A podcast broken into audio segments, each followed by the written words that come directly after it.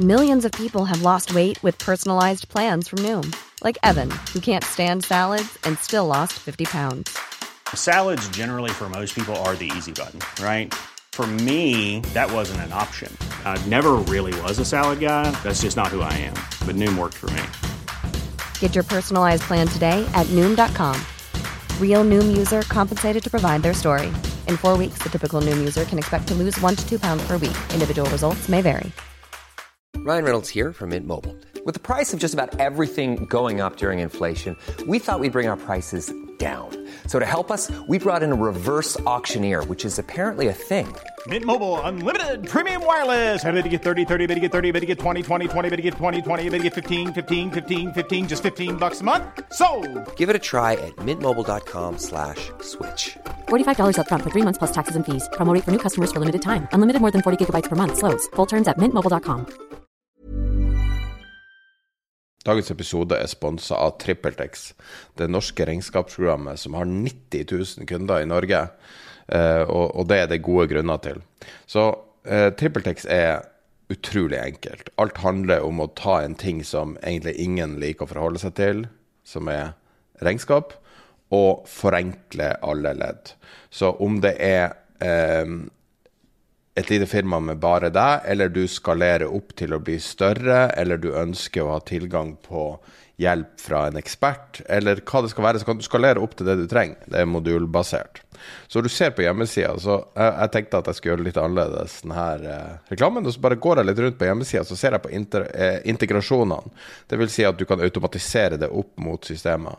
Det er 334 forskjellige integrasjoner du kan gjøre i praksis alle systemer du allerede har, vil snakke med TrippelTex i dag. I hvert fall 300 og et eller annet forskjellige systemer. Og, og, det er nettopp det. Det er modulbasert, det du trenger. Så når jeg er på sida nå, så gir det dem mulighet til å finne regnskapsfører, gir dem mulighet til å integrere med det eksisterende jeg har. Det er priser som du betaler for akkurat det du bruker, og prisene er noe helt annet enn det det regnskapsfører brukte å være, som, som alltid var en veldig dyr ting.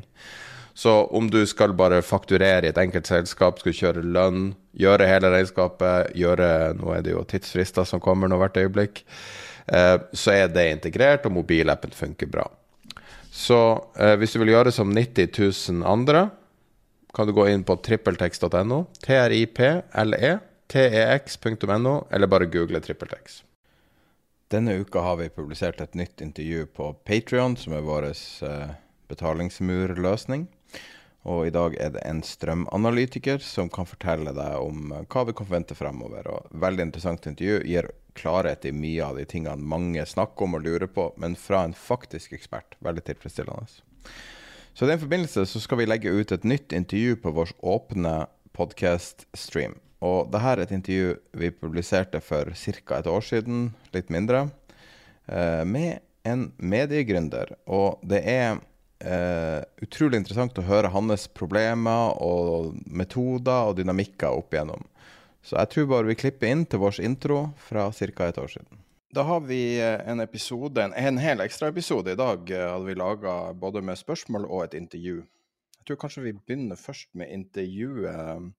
Vi har med oss en uh, gründer som de fleste kanskje ikke har hørt om, men som jeg tror folk burde ha hørt om. og i stedet for å ha personer som Elon Musk som et idol, så tror jeg kanskje han her kan være et ganske bra idol. Gard Michaelsen, du har hørt på intervjuet jeg gjennomførte nå. Hva du syns du om hans historie? Jo, altså han har en veldig interessant historie.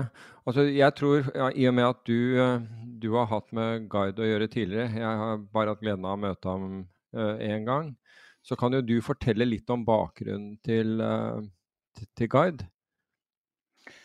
Ja, altså han um han kom inn sånn som jeg oppdaga han da når jeg oppdaga Medie24, når jeg er generelt medieinteressert og interessert i det som skjer bak. Og så så jeg denne bedriften som, som var så merkelig, for det så ut som en så fullverdig stor avis. Og så var det tilsynelatende bare én kar bak deg. En litt sånn uh, oppfyrt kar som, in som, ingen hadde hørt om, egentlig. Og, og i medieverdenen så var det liksom det store nye. Og han kom fra sidelinja, out of nowhere, og liksom fikk utrolig mye makt og innflytelse, og folk hørte på han. og ikke minst, og det jeg er mest interessert i, og det som, som vi prøvde å få fram i det intervjuet, var også det business case han klarte å bygge der ingen trodde folk kunne tjene penger. med å lage en bransjeavis for journalister. Mhm. Og jeg syns det var bare så artig å, å, få høre hvordan det ble til, og hvordan han satt liksom Men også historien før det. Han, han starta jo Han var journalist, altså han starta vel som skribent da han var ti år gammel, eller noe sånt. Så uh, han, han, har det litt i blodet. Og nå har han liksom han, han var redaktør i E24 i noen år. Og så gikk han ut og starta et helt nytt firma, igjen i en ny bransje. Og det syns jeg var også interessant, for det her er liksom først starte sånn medieleder, eller mediegründer, som i seg sjøl er uhørt. Og så har han starta da en Nord-Norge-fokusert rekrutteringsbedrift, som også jeg aldri egentlig har hørt om. Mhm. Og jeg syns det var litt sånn artig, for han, for han er en modig kar. Og så han, han har skarpe analyser. Ja, så opplagt er han det. Og, men du kan si at det som, det som fenger eh, eller fenget meg da ved, ved, intervjuet, det er jo han, på en måte hans perspektiv når det gjelder det, både egen bransje og for så vidt utvikling generelt. altså Nemlig at Eller som, som er vel um, fundert på at ting er i forandring. Og han på en måte tar til seg, tar til seg eh, endringer og, og forsøker å, å utnytte dette. Det er det ene, men også perspektivet på på den bransjen, altså mediebransjen altså Jeg mener jo at det, det, han snakker om er veldig overførbart, bare så det er sagt, og det, det er det som gir det en, en, en enda større allmenn interesse. Men han har perspektiver da på, på mediebransjen. Han har jo for så vidt og, og det syns jeg også var interessant, naturlig nok, at han har jo perspektiver på det vi gjør også. Ja, um, det her er den første Patrion-bidragsyteren som blir intervjua. akkurat. Ja, det Wow. Uh, enda bedre. Men, men, du kan si at de og, og, det var også interessant, fordi jeg har vel ikke nødvendigvis tenkt på det slik som han gjør, men jeg ser på en måte hva han, uh, hva han mener. Og, og reflekterer over det. Driver for øvrig fortsatt å reflektere over det, bare så, bare så det er sagt. fordi det gir på en måte litt Det gir noen andre, altså kanskje større, om du vil, perspektiver, og, og, men, også, men, samtidig betyr det også at, at man må gjøre noen valg. Og det er jo greit, greit nok, men, men, det at man har et, uh, det at man kan gjøre valg, en, uh, gjøre valg er en luksus. Det er når, du ikke har valg, at, uh, at problemer starter. og hvis du ser på hans karriere, så har han gjort mange valg. Så dette er en, en person som da er vant til å, uh, vant, til å se muligheter og, og, og, utnytte dem, som jeg var, var inne på i sted. Men jeg tror at liksom, nøkkelordet her er Og det er det jo i livet, for valg jo, er jo det samme som en opsjon. Altså du har en mulighet. Du trenger ikke Av og til så må man, ta, uh, må man fatte et valg. Men du kan fatte det riktige valget, eller du kan fatte feil. Uansett så er det en opsjon til å, uh, til, til å gjøre noe. Og opsjoner har vi definitivt snakket mye om. Ja, det er den overførbarheten som, som jeg følte var der så til de grader. Jeg vet ikke om han sjøl tenker over det sånn en gang. Jeg tror han tenker mediebransjen og rekruttering som, som er litt sånn Men han er jo i et sånn skjæringspunkt. Jeg bare syns det, det, var så mange interessante refleksjoner som, som jeg tror Nå er det vanskelig å si for som jeg tror er interessant for folk i alle mulige slags situasjoner. Ja, altså nå har jeg hørt liksom råfila, og jeg vet at du, at du har, har, gjort noe editering på den. Men til, til å begynne med i, i, i, råfila så var på en måte ikke uh, disse endringene også, og den overførbarheten uh, altså, Nå snakker jeg fra mitt ståsted, opplagt for meg, men den ble veldig opplagt for meg etter hvert som man, man, de gikk videre inn i, uh, i intervjuet. Det var da jeg det var da på en måte jeg satte meg frem i solen og, og, og tenkte på overførbarhet. Mm. Skal vi bare starte intervjuet nå? La oss kjøre på. Og etter intervjuet så kommer da de eh, jeg tror det var syv spørsmål og svar fra Peter også direkte etterpå. Så en full ekstra episode denne uka. Uh, jeg sitter og ser på CV-en din, jeg ser på liksom, sånne artikler der du har snakka om hvordan du ble til, hvordan du ble en, mekt, en reelt mektig person i medieverdenen. Eh, kommer fra middle of nowhere og, og snakker nordlending og, eh, og liksom bygge opp noe ut av mer eller mindre ingenting. Og så, og så ser du jo, så plutselig er du i, i E24, som er liksom midt i norsk finans. Føler du at du er nærmere media eller nærmere finans? Jeg tror jeg vet svaret, men Nei, jeg er nok nærmere for så vidt media. Men det er litt sånn paradoksale, eller ikke paradoksale, men interessante at jeg har blitt mer og mer interessert i finans på en måte etter at jeg slutta i 24. Så den interessen har jo blitt værende. Og, og, litt sånn etter at jeg slutta har jeg fått tid til å, til, til å nerde enda mer, kan du si. Så, så har jeg fått en interesse gjennom det som jeg ikke har sluppet taket, nok ikke kommer til å slippe taket heller. Men, men samtidig det er jo ikke media jeg driver på med nå, egentlig, jeg driver på med den kommersielle biten av media. Uh, så, så, jeg har jo du, du, kan jo si jeg har jo på, på, på mange måter um, Altså uh, Det er et godt spørsmål, for det er jo kanskje noen, noen, noen Jeg er ikke noen fellesnevner. Altså, jeg har jo på en måte forlatt journalistikken. Uh, men om jeg har forlatt den for resten av livet, vet jeg jo ikke. du kan si det, det enkle svaret at man er vel nærmest det man til enhver tid gjør. Uh, og det å, å, svare på hva man er nærmest, og hva man liker best, utvikler seg nok også, tror jeg, uh, over tid. Fordi man både som menneske og, og har interesse av å jobbe endrer seg. Og et langt og muligens filosofisk svar. Det... Jo, men uh, grunnen til at jeg spør, er at jeg må ja. sjekka på, på Proff bare for å se hvor gammel du var. Fordi at jeg vet at du Altså, det sier litt om gammel jeg er at jeg syns du er ung, men, men jeg syns du har fått til så mye så, så ung, i så ung alder. Og så, og så når jeg er på LinkedIn din, så ser jeg at din første journalisterfaring er tilbake til 1995. Og så måtte jeg gå tilbake til proff og dobbeltsjekke. Var du ti år når du starta som journalist? Ja, det, det, det, korte svaret på det er jo, det korte svaret på det er jo ja. Altså, eh, Hvis jeg skal ta en sånn kortversjon av historien min, så er jo det, det ene svaret på hvorfor jeg på måte, hermetegn har drukket mye, fordi at jeg har droppa utdanning. Altså, jeg har jo i praksis ingen høyere utdanning. Eh, jeg har et år på forfatterstudiet i Bø Telemark som eh, altså det, det, det, er noen studiepoeng, og det var et veldig fint år og veldig si, på mange måter viktig år. Men, men det, uten å fornærme Høgskolen i Telemark, nå Universitetet i Sørøst-Norge, så var det mer folkehøyskole enn det var, enn det var høyere utdanning. Kontrafaktisk historieskriving er vanskelig å gjøre, men, men, men det, det, Jeg tror jeg konkluderte med at jeg har gjort riktig. Eh, og så er det riktig at jeg har vokst opp i avis. Eh, altså som, som mange andre så, så jeg vokst opp eh, som mange andre som havner inn i det her, så jeg vokst opp med en far som jobba i lokalavisen. og kom inn i det her med litt sånn Det høres jo litt sånn klisjé ut og litt sånn, sånn romantisk ut, men kom inn i det her med å, å skrive skrive leserinnlegg, på en måte håndskrevne leserinnlegg til avisen inn på, inn på tastatur. Så jeg jo tidlig å skrive fort på tastaturet. Eh, var det sånn du lærte deg touch? Ja, ja, om det var touch vet jeg ikke, men jeg begynte tidlig med å skrive på tastaturet og nerde på PC. Og, altså du, du fikk leserinnlegg håndskrevet sendt inn til avisen, og du ja. skulle punche dem? Ble satt til å punche dem, og fikk sikkert betalt 10 eh, kroner eller 20 kroner, eller grovt underbetalt, men, eh, men, eh, men... Du kom inn i media lokalt, og du hadde en Var det en redaktørrolle, var det?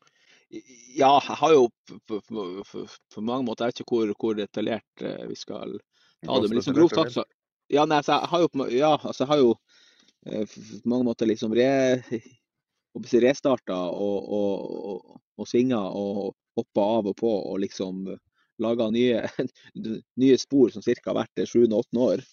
Eh, så da jeg kom til Oslo, så hadde jeg vært hadde jeg hadde jeg vært eh, først eh, kan det bli fem-seks år i en eh, lokalavis i, i Vesterålen som jeg var med å starte, eh, som heter Sortlandsavisa, og, og, det siste året også i, i Vesterålen Online. Du starta den? Det visste jeg ikke. Ja, den, ja, den første, den, den papiravisen jeg må starte, den gikk inn i, ja, det ble lagt ned for ikke så mange for fem-fem år siden. Kan diskutere ja. hvor, hvor ja. Hvor gammel, hvor gammel var du når du starta den? Nei, da var jeg 22. Eh, Men var, altså, vi var flere, det var ikke bare jeg som starta den. Men, eh, men, eh, men var var med å starte den, og så var jeg et år i Finnmark. Og så kom jeg og, og slutta i eh, var et år i Finnmarkens redaktør. Og så ble jeg ikke med videre der etter at ja, ga meg der. Det var, var en omorganisering. Jeg tenkte at nå skulle jeg gjøre noe annet. Og tenkte at jeg skulle egentlig ikke gjøre så mye. og Det, det er jo en erfaring at jeg har vel kanskje lært at, at det her å ikke gjøre så mye, det er jo en farlig tanke. For man ender opp med å gjøre ganske mye likevel. Mm -hmm. og da ja, flytta, flytta, til Oslo og tenkte jeg skulle jobbe som frilanser. Og det klarte jeg i et par uker eller et par måneder før jeg da starta det som het Medie24. Uh, Hvor er du frilansa når du starta? Nei, jeg, det, jeg tror jeg rakk å skrive litt for noen lokalaviser, og, og, og, og så skrev jeg også litt for og Det er liksom veldig tilfeldig, for jeg begynte å skrive litt for Nettavisen i Laks, eh, som, som, som, skriver om oppdrettsbransje. Eh, som for en bransje jeg kjente litt til fra før fra lokalavisverdenen i Nord-Norge. Eh, og Så kom jeg i kontakt med noen som kom i kontakt med dem og begynte å skrive litt for i Laks. Men så ble jo det en, en, en, en det, det, høres jo litt sånn snodig ut, men det, det, var helt sånn det var. At jeg tenkte at oi faen, det her var jo veldig smart. Her har noen starta en nettavis med, på Wordpress uh, alene og dekke én bransje og bare pumpe ut saker. Faen, her må jeg gjøre sjøl. Uh, så det er det litt sånn det starta? Ja, ja, det var helt sånn. Tenkte faen, her må jeg gjøre sjøl. Eh, så, da, det her må du gjøre sjøl, jeg har en bransje klar, eller det her må jeg gjøre sjøl? Nei, det her må jeg gjøre sjøl, jeg må lage nettavis. jo, men var det sånn, hadde du media klar som bransje? Nei, nei, det, det kom, det, det kom eh, sånn noen sekunder etterpå. Eller så, så, men du har virkelig et sånn business-gen i deg, da. For det er jo derfor vi altså derfor, Det er jo primære årsaken til at du er invitert inn, er jo fordi at du er næringsdrivende på et sånn litt sånn lavt nivå. og Da mener jeg det i aller, altså mest, best mulig måte. Altså det, det, er det motsatte av en Elon Musk eller en, eh, en eh, liksom Meltwater eller sånne store bedrifter. Altså du lager små, profitable bedrifter. Du klarer å finne hull eller muligheter som ikke andre ser. Og så har du et businessinstinkt som er litt uvanlig. Ja, og det er jo på ingen, altså på ingen måte fornærma over at man sier på, på lavt nivå, fordi at altså, det, i en sånn verden altså Vi lever jo i en verden der man leser aviser og hører på Innovasjon Norge og alle som snakker om at du må tenke globalt og du må ditt og datt. Og, og det er nok av dem som, som, som, drømmer om å lage det neste Facebook og det neste TikTok og lage en app som skal bli milliardær. Og, og jeg har sikkert i mitt liv hatt sånne tanker også, men, men har jo på en måte tenkt at OK, og, og kanskje om ti år får lyst til å starte et selskap som skal bli det neste Facebook. Antakeligvis ikke. Altså, jeg har jo mer tenkt at, at, at at min, min uh, Det her er ikke veldig akademisk, men du har jo på en måte liksom, si, altså, du kan jo starte du kan starte et selskap innenfor, eller produkt eller tjeneste innenfor A, et marked som ikke finnes. Uh, og Da er jo teorien potensialet veldig stort. Hvis du da på en måte starter noe og så lager markedet, så, så kan du bli gigantisk. for at du, du, er den eneste aktøren i det markedet, kanskje. Eller du skaper et marked og blir kjempestor. Så kan du alternativ B starte noe innenfor et marked som finnes. Uh, og så høres det på en måte vanskelig ut, for at ja, men der finnes det noen. Det markedet er tatt. Det, det, det, det finnes, finnes, aktører i det, og, der, og, hvorfor, hvorfor, skal du komme inn og ta det? Og Da er kanskje min tanke, som, som da er litt motsatt, at, at liksom, ok, men det at, det at det finnes et marked, betyr jo at noen betaler penger for de produktene. Uh, altså det at det finnes en aktør, at det finnes noen som jobber med det at det finnes en avis som dekker det feltet, eller finnes uh, finnes, finnes, aktører som jobber med rekruttering og markedsføring, gjør jo at dette er produkter som folk betaler for. Så må det bare være, og Det kan overføres sikkert til tusen andre ting. Det kan sikkert overføres til en butikk eller til en kiosk eller til andre tjenester. Eh, du må bare være bitte litt om jeg gikk på skole med ei russer.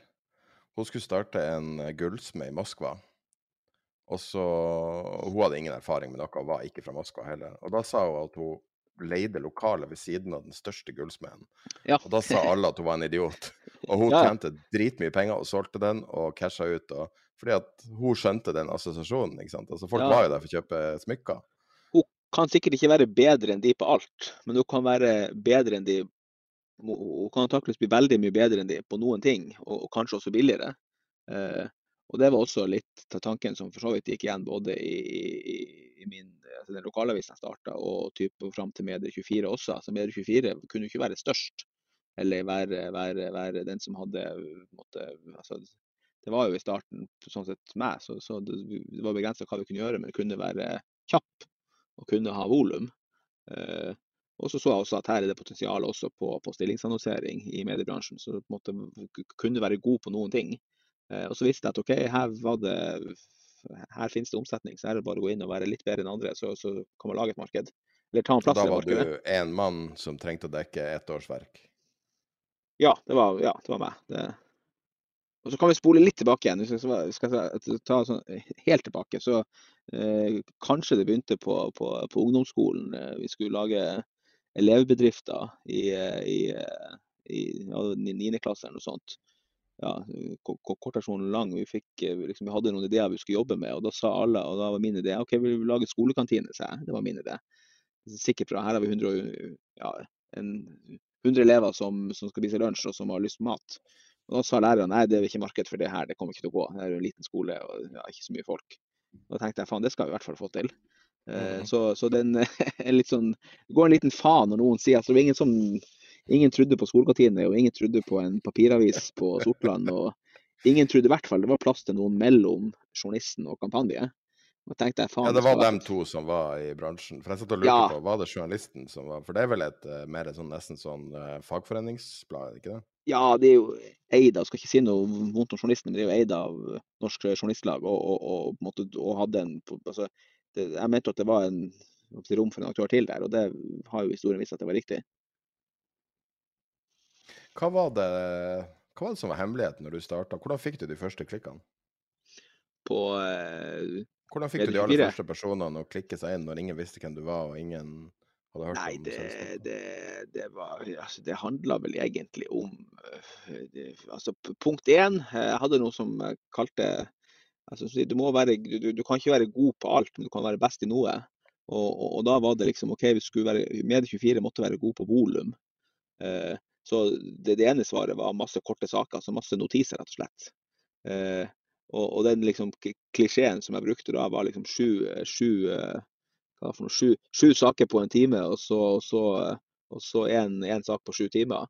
Altså, det var ikke ment bokstavelig, men altså, du må ha mye korte saker, eh, og så må det være noe som er substans i. Eh, så, så, så heller sju korte saker enn, som er interessante, og kanskje en god sak som er god, enn å ha tre halvgode saker. Eh, det var liksom ganske knallharde prioriteringer. Og så var det jo mange saker om folk. Altså, du, du kjenner jo denne bransjen, mediebransjen, den er jo, folk er jo selvopptatt. Eh, Det er en ganske selvopptatt bransje, og, og, og, og det skal ikke, altså, og det er ikke noe kritikk, for sånn er alle bransjer. Altså litt sånn eh, En av de artigste og snodigste kritikkene mot Mer24 var at det her var jo, hvorfor skriver dere bare om mediebransjen? Ja, det her er nettavis om mediebransjen, det er det vi skriver om. Så en, en bransjepresse er i seg selv selvopptatt. Forskjellen er kanskje bare at bransjepressen for mediebransjen blir veldig synlig. Eh, mens bransjepressen for landbruket, eller for eh, apotekbransjen, eller for eh, eh, Legeforeningen, eller for, eh, for sykepleiere, ikke så synlig i offentligheten, kanskje. Og eh, jeg tror din analyse er korrekt. Jeg kan gjette at journalister sitter stort sett og refresher sida ganske ofte. og får med seg og har RSS-er og får med seg hver sak som kommer inn, og leser de fleste sakene. Er det, var det sånn det var? det, det andre faktoren som jeg tror må ta ta med i denne historien, var jo at, at Facebook 2014 var jo en helt annen enn Facebook i dag. Eh, Så det å starte med 24 i 2014-2015, altså det, det hadde ikke gått på samme måte, tror jeg, i 2022 som i 2015. Den gangen så var Facebook masse gratis distribusjon. Eh, Så det å ganske fort nå Så det er litt av hemmeligheten i eh, på en måte. Så du det da, eller var det tilfeldig? Eh, Nei, altså ja og nei. I, i, jeg så jo at det virka da. Og så var det sånn sett kanskje flaks at, at det var håper jeg, at, at jeg gjorde det da, og ikke tre år senere. Fordi at Facebook endra seg ganske kraftig siden den gangen. Det er jo veldig mye vanskeligere å nå ut bredt organisk eh, med, med en, en innhold fra en, en, side enn det var den gangen. Eh, så kan man jo mene mye om det, men det var noen gang sånn det, gang sånn det skjedde. Altså, klart at, at, at eh, på en plattform som det blir veldig mye mer stoff, så, så, så og blir, og blir veldig mye mer innhold, så blir det jo da blir det trangt. Og da er det jo også forretningsmessig av Facebook og tenke at OK, men eh, vi kan jo ikke gi bort gratis innhold til, til, eh, til de her sidene. Det må jo, eller den feeden må bruke på folk, og så får bedrifter betale. Eh, Så, så det, det hadde sikkert vært Det hadde kanskje vært mulig senere, og det hadde kanskje vært mulig tidligere. Men det ville ikke vært lett ti år før uten Facebook, og det ville ikke vært så lett ti år senere med Facebook som i dag. Husker du første gangen du følte at det her funka, liksom? Eh, Ja, hvordan Skal vi si Ja. ja. Var det penger, eller var det klikk, eller var det oppmerksomhet, eller sitering, eller Nei, ja, det tenker jeg meg om. Altså, det var et det, Nei, det var vel egentlig mer en sånn, eh, sånn, sånn eh, f, f, altså, Det kan jo være liksom sånn ja, den første gangen jeg hadde så og så mange brukere innom på en dag, det er for så vidt et sånn tallmål. Så, så, det kunne vært ting. Men jeg, tenker, jeg, tror faktisk det var mer liksom, jeg husker jeg var på noe sånn her um, et arrangement en gang og fikk masse gode tilbakemeldinger. Jeg tenkte OK, men det her er bra. Får gode tilbakemeldinger, så har jeg truffet noe riktig. Uh, så på, en måte mer det enn altså Da jeg begynte å få gode tilbakemeldinger fra folk i bransjen som leste og som fulgte med, så var egentlig det, og som var nysgjerrig på produktet, så var egentlig det en viktigere milepæl enn at det var 1000 brukere innom på en dag, eller at det var 700 på forsida. Altså den type ting. Så hører du med til historien at det var jo et, et De første fire månedene så var alle annonser gratis på Medie24. Så stillingsannonser kosta ingenting de første fire månedene. Uh, så det, må, Måten å få en annonse på var å sende melding til mediehus. Det var en veldig god måte å bli synlig til alle, de her aktørene. Sånn, Hei, vil du ha annonsen gratis? Og da sa jo 99% ja. Det var noen som lurte på hva slags tulling er det her, så de sa jo nei. Men uh, aller fleste sa jo ja. Så da oppnådde jeg at jeg slapp å måtte bruke tid på salg. Det var bare egentlig bare å sende ut leads og publisere det. Ja. Uh, det er jo et skikkelig privilegium, da. Ja, og så ble jo det i seg sjøl sørga for at det ble et stort volum uh, av stillinger ganske fort. Så det var jo tidlig et stort volum. Og igjen også kombinasjonen av stillinger på, og distribusjon på Facebook, og da også betalt, gjorde jo at, at både stillingene og, og plattformen liksom, og Mer24 ble jo veldig synlige veldig fort. Og så skal jeg si at jeg var jo altfor uh, mulig det var gratis en måned for lenge eller to. Det er mulig det var antakeligvis altfor billig i starten. Uh, og jeg har jo vært en sånn Jeg karikerer meg sjøl. Jeg driver jo salg på måten der jeg sier at ja, det, det her er prisen, det er billig, men du kan få rabatt i tillegg hvis du vil det. Altså liksom på et eh, Jeg er jo altfor snill selger som, som kom med en lav pris og ga rabatt. Eh, så etterpåklokskapens navn kunne jeg sikkert ha vært mer kynisk, men samtidig er det bedre å være på den sida enn å se tilbake og si at nei, det var altfor dyrt, så derfor fikk jeg ingen kunder. Jeg synes det er veldig artig å tenke på hvordan det føltes. Fordi at når man har suksesser, og du har liksom blitt intervjua på scenen, og du har fått uh, Du har solgte vel bedriften på et tidspunkt, så vidt jeg skjønner, og, um, og du får ei, ei, profilert stilling og blir en profilert person i norsk debatt som virkelig blir hørt på. Men husker du liksom sånn hvordan det føltes de forskjellige periodene, eller er det et eneste stort sammensurium? Nei, det, det, er jo masse gode, artige minner. Altså, det er jo alltid fra, fra mye hardt arbeid til, til, til, gode, altså til, perioder hvor det er gøy. Uh, og, og, det å starte, du vet jo, du som har ja, jobba med sikkert forskjellige ting, at det er jo på en måte uh, altså på en måte er jo den første fasen alltid artigst. Mm. Uh, fordi at da er det 100% fokus på produkt og, og liksom lansering og jobbing. og så på en måte blir det jo i, i, i Hvis ting går bra, så ender det opp med at etter hvert blir mer og mer byråkrati og administrasjon. og, og så liksom den, den den første fasen er jo alltid gøy og på mange måter liksom, liksom den føles litt romantisk, hvor du liksom er gründer og du starter opp og, og, ting går bra og du bruker all tida di på det som er artig.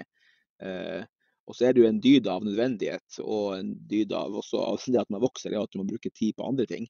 Um, så jeg skal ikke si at den fasen er mindre artig for, eller mindre viktig, uh, men de har jo sine sjarmerende sider alle sammen. Uh, det er klart at det også uh, det også jobbe, altså, Man må hele tida ha det nok artig, i hvert fall hvis man skal jobbe hardt. Så det er viktig at hele tida er gøy.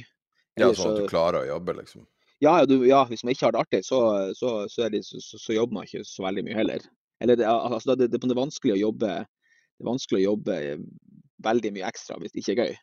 Så det er viktig å holde det, måte, holde artig hele tida. Og det er jo også et privilegium, selvfølgelig. Det minner, alt det du sier, det minner meg liksom når du hører historier om de aller største suksessene i verdenshistorien. Når du hører liksom historier om tidlig fase i Rockefeller sin historie, den største formuen tror jeg som er skapt av en person noensinne, eller du hører hvordan det var den dagen der iPhone første gang skulle vises fram til omverdenen, der ingenting funka. Det var så vidt de klarte å stable en prototype som var utrolig skjør og på beina, der det var der de, eh, liksom, eh, de som bygde den, satt på bakrommet og tok en shot hver gang han gjennomførte en, en, liksom en teknisk eh, demonstrasjon, fordi at én mindre ting som kan gå galt. Og, og, det er jo på en måte akkurat det samme så om det er mediebransjen eller om det er det ene eller det andre. Det er nesten irrelevant. fordi at Og, og, det er ofte den beste tida, som du sier. For når du kommer inn i når du skal gjøre jobben og, og får kjeft fra folk når du gjør feil, eller du taper penger, eller du dummer deg ut, eller et eller annet. Da liksom livet kommer litt i veien, mens uh, jeg tror nesten man kan bli avhengig av den startfasen, på et vis. Fordi ja, at det er så romantisk. Ja, kanskje det, og kanskje derfor noen av oss Ja, du starter jo på nytt igjen. Ja, ja, altså drive, starter ting om igjen fordi at man er så glad i den fasen. og, og, og, skal ikke bli med ut med sånn uh, analyse, men altså, nettopp det å starte nye ting er, er gøy. Når jeg ser på regnskapet ditt, du tapte 4000 kroner i 2015. Og så etter det så tok du ut lønn hvert år, og mer eller mindre økte overskuddet hvert en, eller drifts, altså driftsresultatet da, og hvert år. Eh, fram til du eh, dro ut. Og, og hvor viktig syns du det er, liksom? I en verden der ingen bryr seg om resultatene. Nå bryr man seg litt, da, men fram til nå? Det syns jeg er Altså, det gir meg frihet. Eh, og, og, og, og, det, når jeg tenker tilbake, så er det ikke tvil om at det var, det var, ja, det var viktig. Eh, fordi at det å drive butikken med overskudd ga jo en, en mulighet til å altså, du, altså, ikke, ikke ro og hvile på den måten, men du får en, en trygghet til å ha fokus på produktet. Eh, og hvis det hadde gått rundt og, og, og stressa og vært på en måte stressa og bekymra, så har du et helt annet helt annet Eller gått rundt og ha gjeld, f.eks. Eh, altså, vi, vi, vi, alle må jo stort sett ha gjeld for å kjøpe oss bolig, eh, så, så, så, stort sett har jo nordmenn noe gjeld. Eh, men den har du ikke knytta opp til en bolig, som stort sett er også så å si alltid vært mye mer gjeld uansett. Men i en sånn bedriftssammenheng så vil det å ha gjeld knyttet opp til det vært mye tyngre. Eh, og Noen ganger skal du stå, noen bedrifter må jo ha gjeld, for du må kjøpe tunge maskiner eller investere tungt. Men det å ha en bedrift som ikke hadde gjeld, og som potensielt sett altså alle, alle verdiene var immaterielle og, og digitale, gjorde jo at, at det, å, det, var mulig å få overskudd fort, og det var gunstig, for det ga en frihet. Så ikke tvil om at det var en, en, en viktig, viktig, faktor til at du kunne vokse videre også. for at du da kan du bare skalere opp og gradvis øke inntektene. Og hvis inntektene øker, så kan du øke utgiftene også. Eh, så, mm. det tror jeg du kan, det ser man igjen på regnskapet til 24 og så årene etterpå, at det har jo vokst voldsomt. Men det har jo vokst lønnsomt. Um, fordi at alle inntektene kan, kan, kan, gradvis skaleres og kan gradvis økes eller justeres hvis det må. Hvis det må. Så det vokste fra 4 i 17 til 6,5 i 18 og liksom 9 i 10 og i 2021 liksom 18 millioner kroner. Mm. Eh, og, og, hvordan det hadde gått. altså det er ikke sikkert at jeg hadde tatt eller Det som er sikkert, at hadde ikke skjedd nøyaktig det samme. Altså, Ingenting hadde vært helt likt så jeg hadde vært der. Og kanskje hadde det ikke blitt like stor suksess hvis jeg hadde fortsatt. Um, så, så det å bygge noe som kan leve videre, er en, en ting og, som jeg har lært sjøl også, at, at, alt jeg har gjort at liksom, og Kanskje særlig hvis man ikke er så glad i administrasjon og ikke så glad i og om man er litt utålmodig type. Så hvis man vet man ikke skal gjøre noe i ti år, så må du også bygge noe sånn at du, det kan, kanskje kan leve videre, selv om ikke du skal være der i ti år. Eh, mellom når du var, eh, drev med det 24 og starta din nye business, Heia Nord-Norge, så var du eh, sjefsredaktør i eh, næringslivsavisen E24. Hvordan var det, og kan du si litt om, om å være der, og, og, hvordan du slutta og alt sammen? Det, det, var, det kunne jeg sikkert snakka i, i, i, en time om det også, men det med kortversjonen er at det var to og et halvt fantastiske år for min del. Eh, lærte utrolig mye om, om en, eh, enda mer om finansøkonomi som jeg ikke kunne så mye spesialisert om fra før av. Uh, og i en tid hvor E24 også vokste veldig mye, uh, ble veldig mye større både i, i, i, trafikk og i antall ansatte. Og så kan du si at, at, at, at at det er sikkert også derfor ja, det, det, er kanskje neste spørsmål, nå skal ikke jeg bli intervjuer her, men det er klart at, jeg slutta der, slutta der høsten 2020 litt tidligere enn planlagt, i den grad noen planlegger å slutte. og det, det, er nok også på mange måter henger litt sammen med også den, den, veksten vi hadde. Det var noen ting jeg var veldig god på, kanskje, eller jeg, var, jeg fikk til. Og så var det andre ting jeg ikke var så bevisst. Eh, så kan det nok også sies at, uh, at den modellen som vi valgte for den skaleringa og den, den eh, satsinga, deler av den ikke var riktig oppskrift. Uh, det har for så vidt også, også, også historien vist på samarbeidsmodellen som har vært med 24 Skipsted. Eh, også, ja, som leder gjør man mange eller som leder gjør du forhåpentligvis noen ting riktig, og så gjør du også mange feil. Og, og sikkert masse ting jeg skulle gjort annerledes da, men det, det, får man ikke gjort noe med. Det, det, det, det definitivt ikke noe jeg angrer på. Ganske voksen avgjørelse å gjøre først en så stor retningsendring, og så relativt tidlig gjøre ei ny stor retningsendring tilbake til kanskje en litt mer kjent, uh, kjent uh, verden, som er å starte sin egen bedrift fra scratch? Sammenhengen mellom den, den, det å slutte og det å starte noe nytt var, var ikke noe kobling der. sånn Det var jo også lang tid imellom. Uh, det skjedde mye mellom der og noen betraktninger der som gjorde at jeg da valgte å starte nytt igjen. Men det kan jo også sånn sett være en sammenheng. Sånn at jeg ja, i tid etterpå erfarte jo, har erfart tidligere at, at, at, noen av oss er kanskje trives best i mindre, veldig dynamiske organisasjoner. Uh, hvor man eh, har en litt annen form for byråkrati og, og beslutningslinje og, og, fart enn man får i, i store konserner. Og, og større, større bedrifter. Uh, og så betyr ikke det at jeg aldri, eller at jeg alltid kommer til å være gründer resten av livet, eller at jeg aldri kommer til å jobbe i en stor bedrift igjen. Det vet jeg også at jeg skal være forsiktig med å si, at jeg aldri kommer til å gjøre noe som helst igjen. Det, det er vel noen, noen, noen, eh, refleksjoner man har lært seg, at man vet ikke hva framtida bringer. Føler du at eh, det er litt sånn, jeg på å si, en sånn real life-versjon av Dunning-Krüger, at du, du, hadde så vanvittig opp, oppadstormende eh, på å si, trajectory, altså din retning var oppadstormende, og så havner du i en situasjon du kanskje ikke i ettertid ønska å være i. Altså man, det at man blir forfremma på en måte. Nå, nå, var jo ikke du sånn sett forfremma, du ble jo ansatt i den stillinga, men eh, var det den følelsen du satt med, at nå er liksom At du ikke har kontroll? Og, for det er jo noe jeg har tenkt på mange ganger med folk som havner i lederposisjoner fra f.eks. La oss si at du er designer, og så havner du plutselig i en lederposisjon. Så er jo det to helt forskjellige egenskaper. Og at det kan være veldig vanskelig å prestere på en helt ny arena. Tja, altså, nei, det vet jeg ikke. Det er sikkert mange ting som kunne vært sagt. Men kanskje med, altså, jeg var aldri ansatt fordi at jeg var den som var den største eksperten på finans, børs og økonomi. Og det var for så vidt ikke noe, noen, altså, det, det, var ikke, ikke, det jeg følte på, kan du si. Eh, det, det er jo et privilegium å ha til enhver tid ansatte som kan mer enn deg, og sånn skal det jo være. Altså, i, i, i de fleste relasjoner så, så, bør ikke, så, bør det ikke, være slik at den som er leder, tror han kan mest om alt, i hvert fall.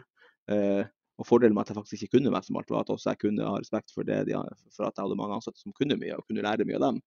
Eh, det var mer det at den situasjonen som Og det sa jeg også både, både i og mellom linjene den, den gangen, at vi sto i en situasjon der det var noen, noen, ja, noen uenigheter, noen tilbakemeldinger og en, og en situasjon eh, i relasjonen som, eller i, i, forhold til hele relasjonen som gjorde at her var det bedre at andre overtok. Uh, og det var bedre for bedriften. Uh, og det var sikkert mulig å fortsette, men da ville jeg brukt veldig mye tid på det, og det ville også på mange måter lamma bedriften. så da tenkte jeg at det var det, var, det, det, det, er jo ikke noen menneskerett og også en dum klisjé, men det er ikke noen menneskerett å være toppleder. Uh, og for min del tenkte jeg at, uh, at uh, hvis jeg skulle bruke tid på, på et, Hvis jeg skulle bruke tid på en, det som var det som egentlig ikke burde vært noe stort problem, men som da ville blitt et stort problem og ville tatt veldig mye tid, så var det bedre å måtte løse problemet ved at jeg slutta. Hvorfor, hvorfor Nord-Norge, og hvorfor rekruttering?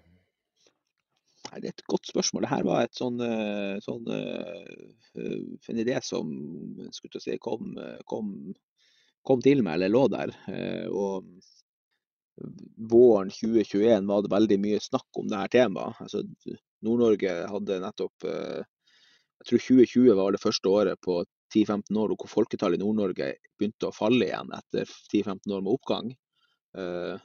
Og så handler det om mange andre ting også, da, uten å gå langt inn på det. For at i realiteten er det jo det som egentlig har endra seg, var jo innvandringa. Men, men, det har også betydning for rekrutteringa. Um, så, så, det var et tidspunkt hvor det så at her kom det til å bli veldig mye fokus på rekruttering framover. Uh, det er stort behov for folk. OK, her er det et marked. Uh, og, og, så kan man si at, at det, det, er jo definitivt en, eh, et marked hvor det finnes hvor det finnes uh, omsetning og aktører og, og, og, kunder. Uh, og også et marked som er så stort at liksom det er plass til mange. Eh, fordi at det er, det er så i noen bransjer og noen sektorer utfordrende at, at, det kommer til å være jobb nok for altså, Vi er ikke bekymra for om, måte, om, om, det kommer andre aktører eller om at vi ikke skal få noe å gjøre. for vi, det, det, er, det, er, så mange som har behov for det her at jeg tror det kommer til å være nok å gjøre for alle.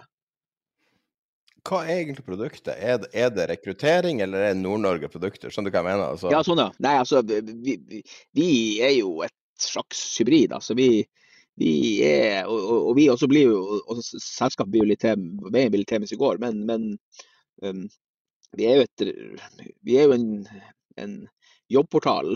Uh, vi er et rekrutteringsbyrå. Uh, og vi er på mange, mange måter også et innholdsbyrå.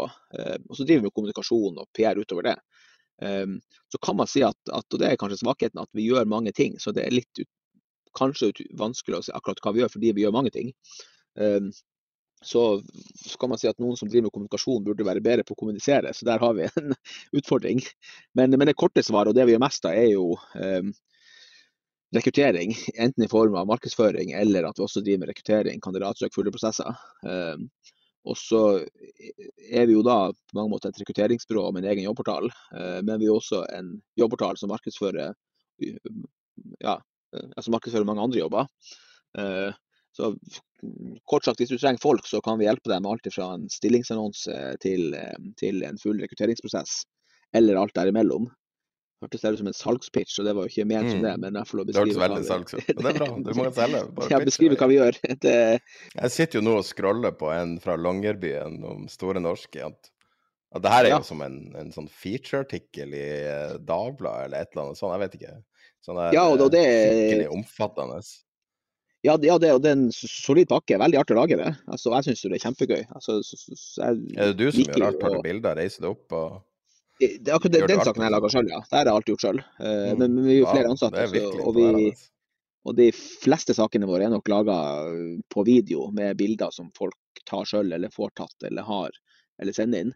Uh, men i tilfelle Svalbard, så var det litt sånn måtte, Å beskrive Longyearbyen gjennom et videomøte er litt vanskelig. Så da sa jeg at skal vi gjøre det ordentlig, så vil vi ferdig dit. Eh, så koster selvfølgelig det litt mer enn å, enn, å, enn å, ta det på video, men vi tror også resultatet blir bedre.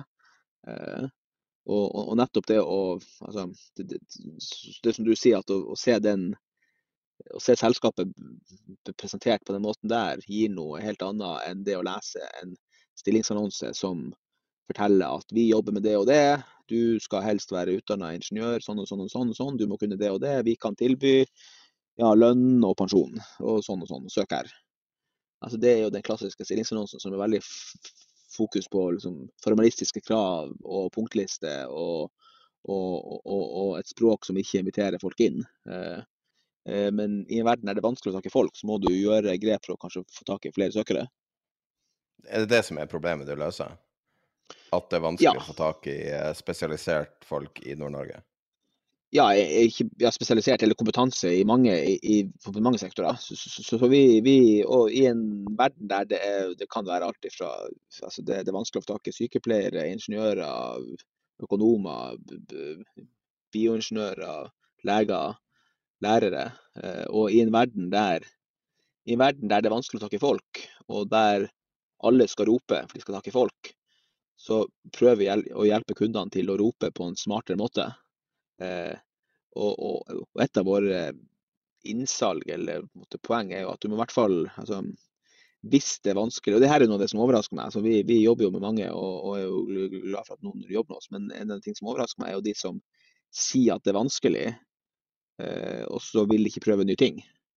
Eh, mm. Så typisk Er det er det, det som er den problemstillinga du får?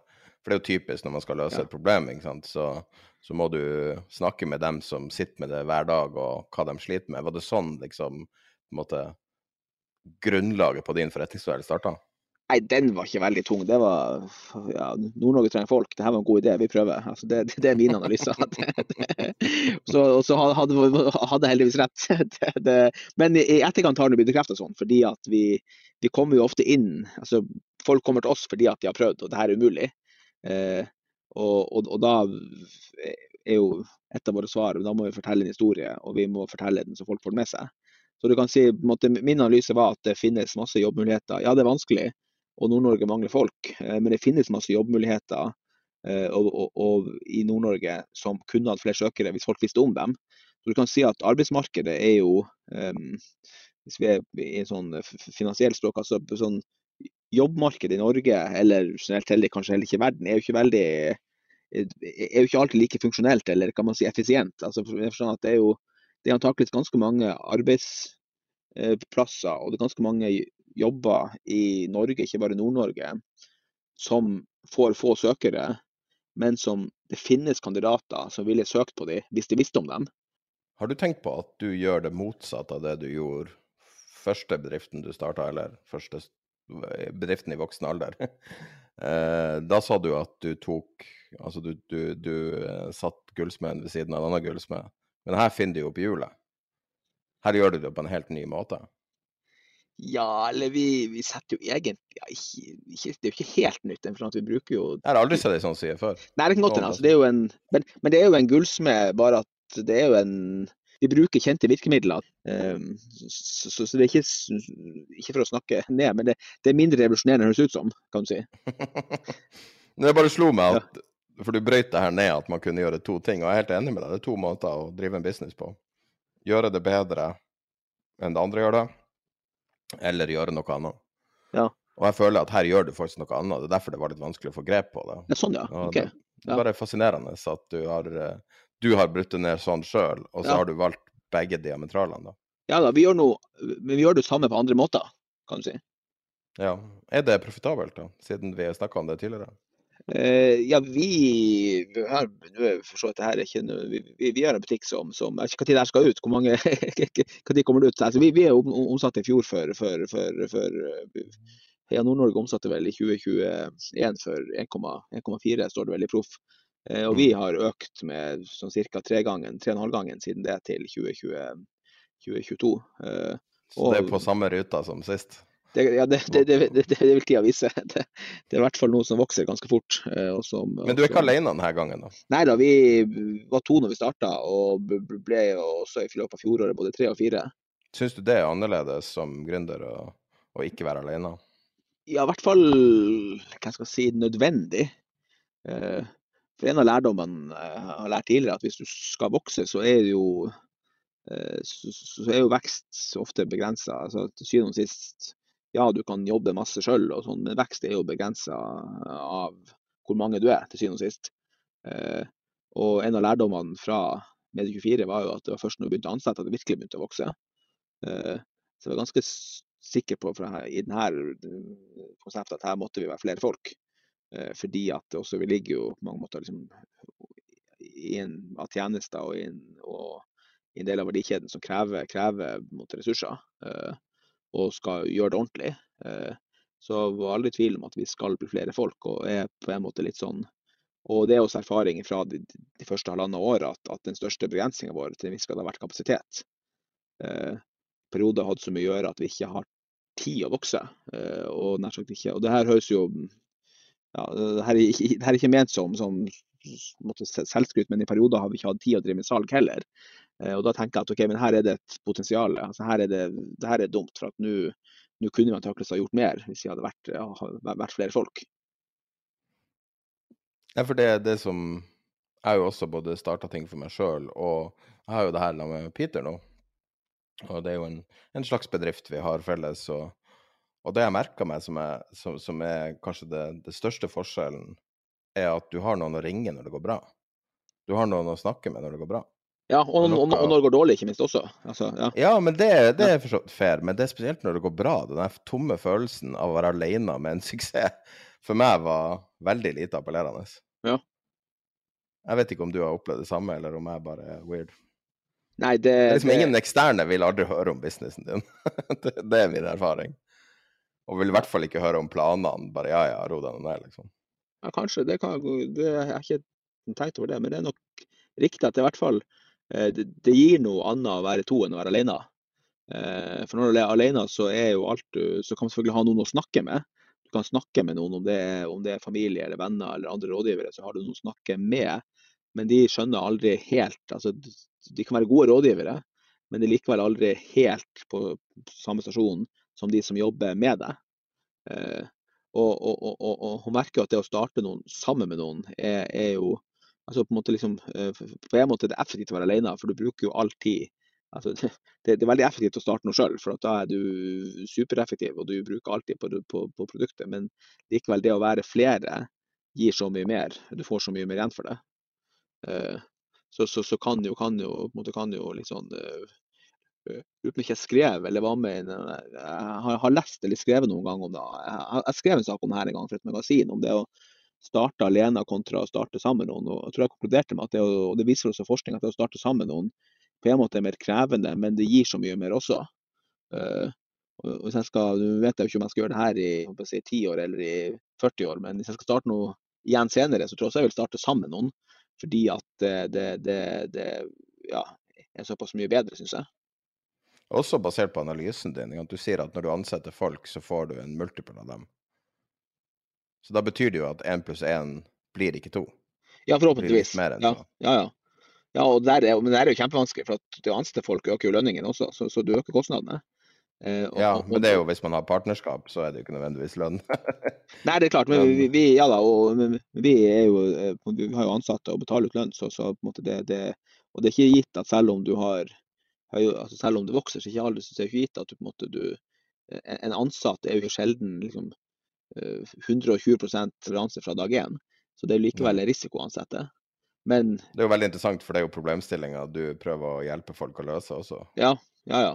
Ja, og det er jo, apropos det, altså det er jo mange av aktørene i næringslivet i Nord-Norge, eh, også det offentlige. altså Det offentlige klarer ikke å levere gode nok tjenester, eh, eller klarer ikke å levere tjenestene det skal gjøre hvis det ikke er nok folk.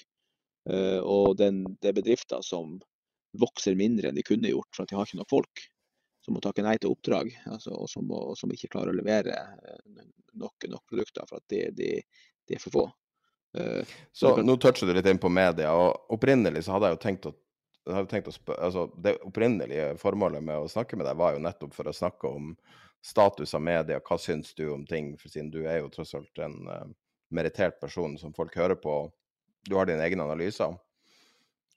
Uh, men jeg, jeg syns rett og slett det var mer interessant å høre om din historie, for jeg har alltid, alltid respektert veldig mye det du har fått til, og, og, jeg tror at det er mye overførbart. Og det er jo helt åpenbart at det er overførbart om du er i media eller ikke. Um, men hva du syns om status til norsk media i 2023? Uh, eh, nei, det var et stort spørsmål. Sånn, ja, generelt så er det jo Jeg syns norsk media veldig, gjør veldig mye bra. Altså, sånn, det, det, er sånn overordna.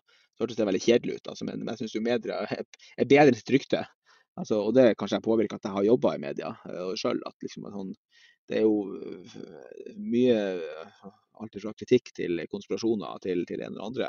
Og så er det masse som er hermetegn dårlig også. Altså, det er på en måte ja, vi er en, en, en, verden hvor det fortsatt er mye klikkjournalistikk, og det er mye tullete overskrifter, og det er mye, det er mye journalistikk som er Eh, som er svak for at den er laga av folk som egentlig ikke kan så mye om det de skriver om, eller det de rapporterer om.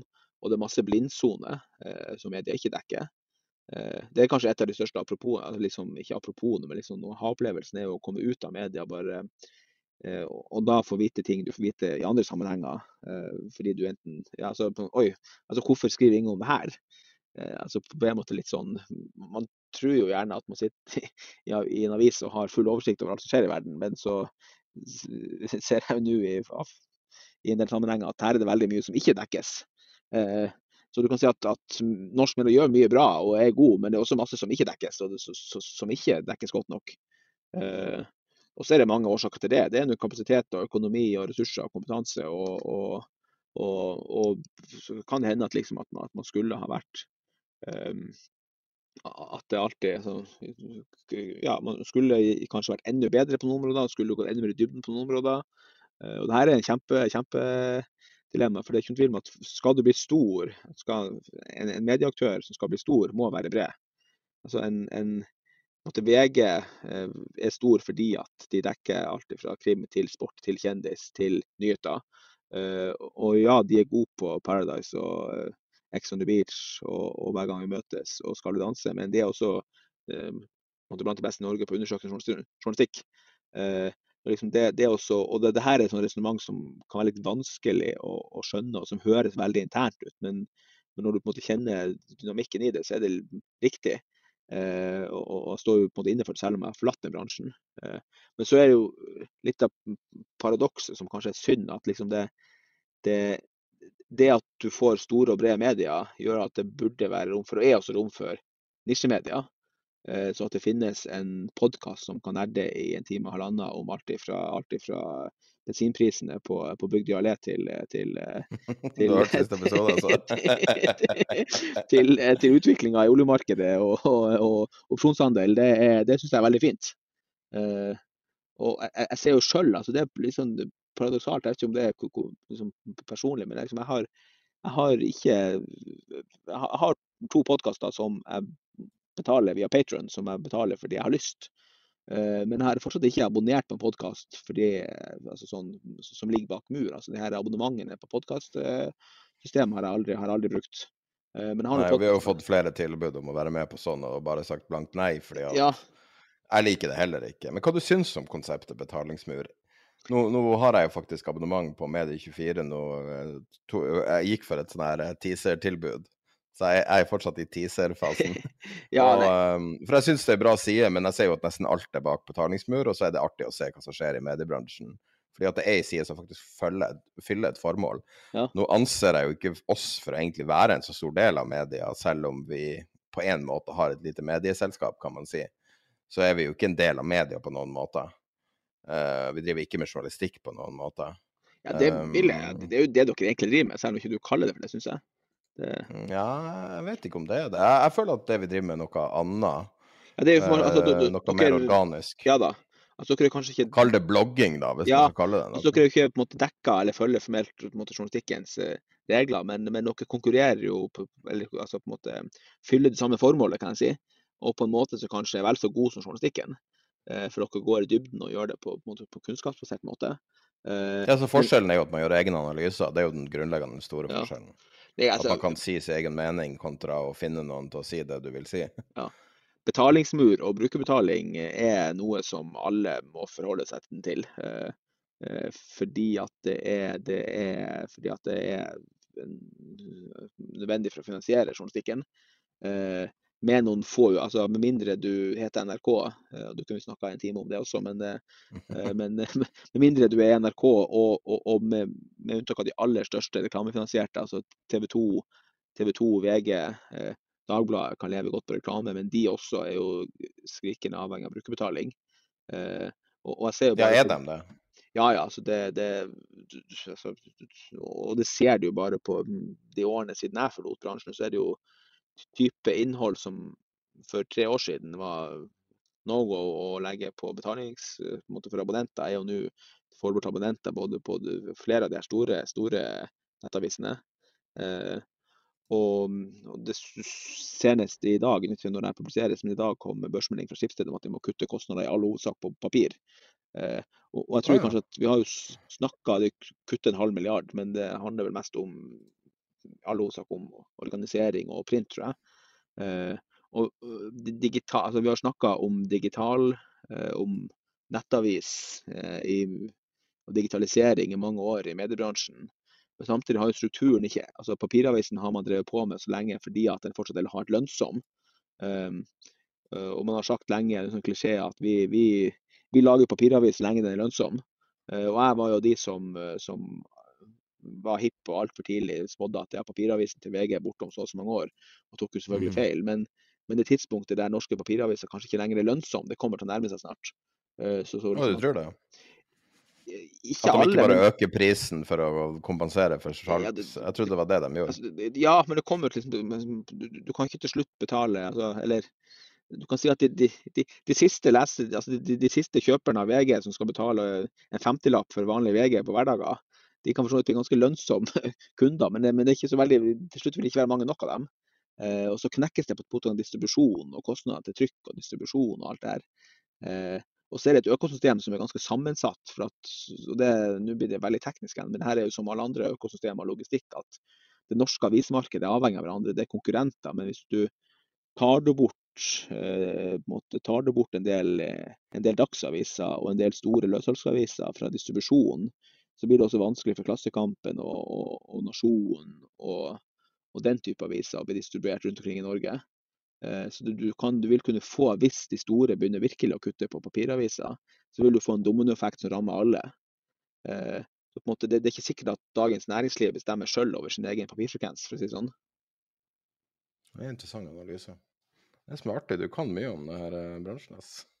Og det er det som er så artig. Altså, det er det Altså, Vår podkast er jo kunnskap. altså Det er det vi søker hele tida. Vi vil bare lære noe. Ja, og det er jo sånn på en måte, og det er jo sånn, på en måte, Medieøkonomien er kompleks. altså på en måte Papiravisen til VG er, om det er i dag altså, sånn, i hvert fall, Nå kjenner jo ikke jeg, nå følger jeg ikke medieøkonomien lenger, så jeg må innrømme at min kunnskap er jo mange måneder et par år gammel. For jeg har datt litt ut av det og følger bare med en halvt øye. Men altså, papiravisen til VG var jo lenge eh, på mange måter mer lønnsom nå enn det var eh, altså Ikke i total omsetning, men, men hver avis. altså det betyr mer for VG i dag å selge 10 000 ekstra enn det gjorde for 20 eh, år siden.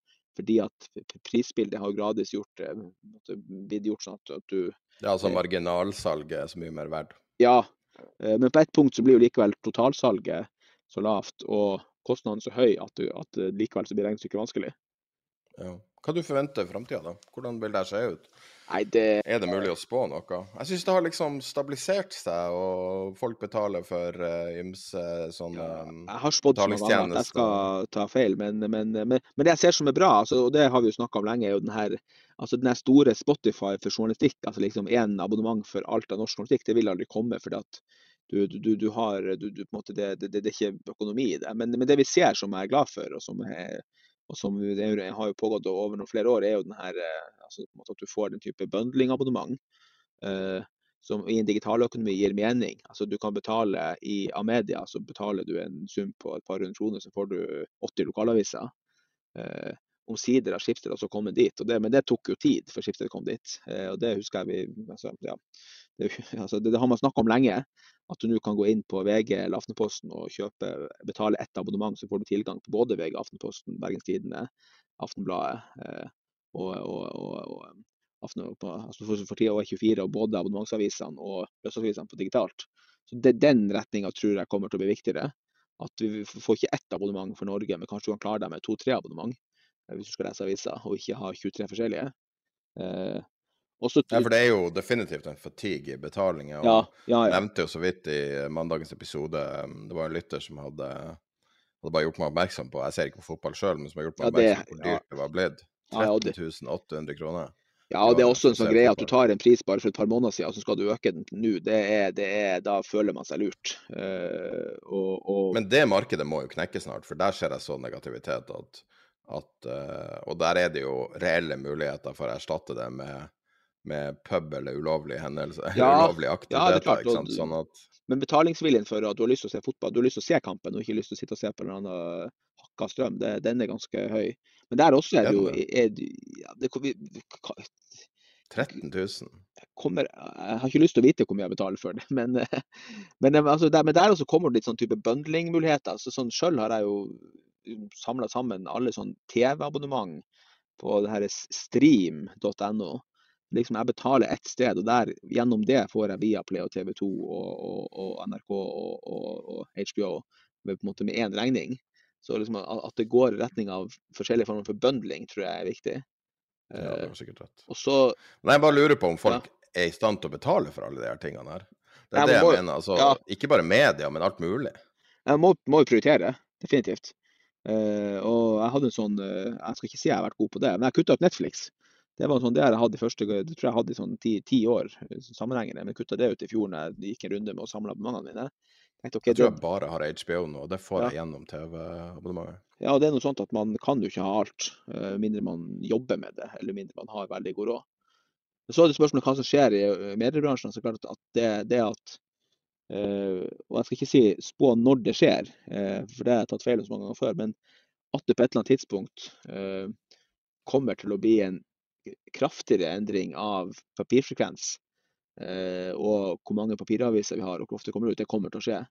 Eh, og, det er litt sånn som at det, det ja, det er litt som Skal ikke bruke sånn krigsmetafor, men det er litt som en krig. At du, du vet ikke helt når det skjer, men når det skjer, så kommer det til å utløse en rekke av eventer.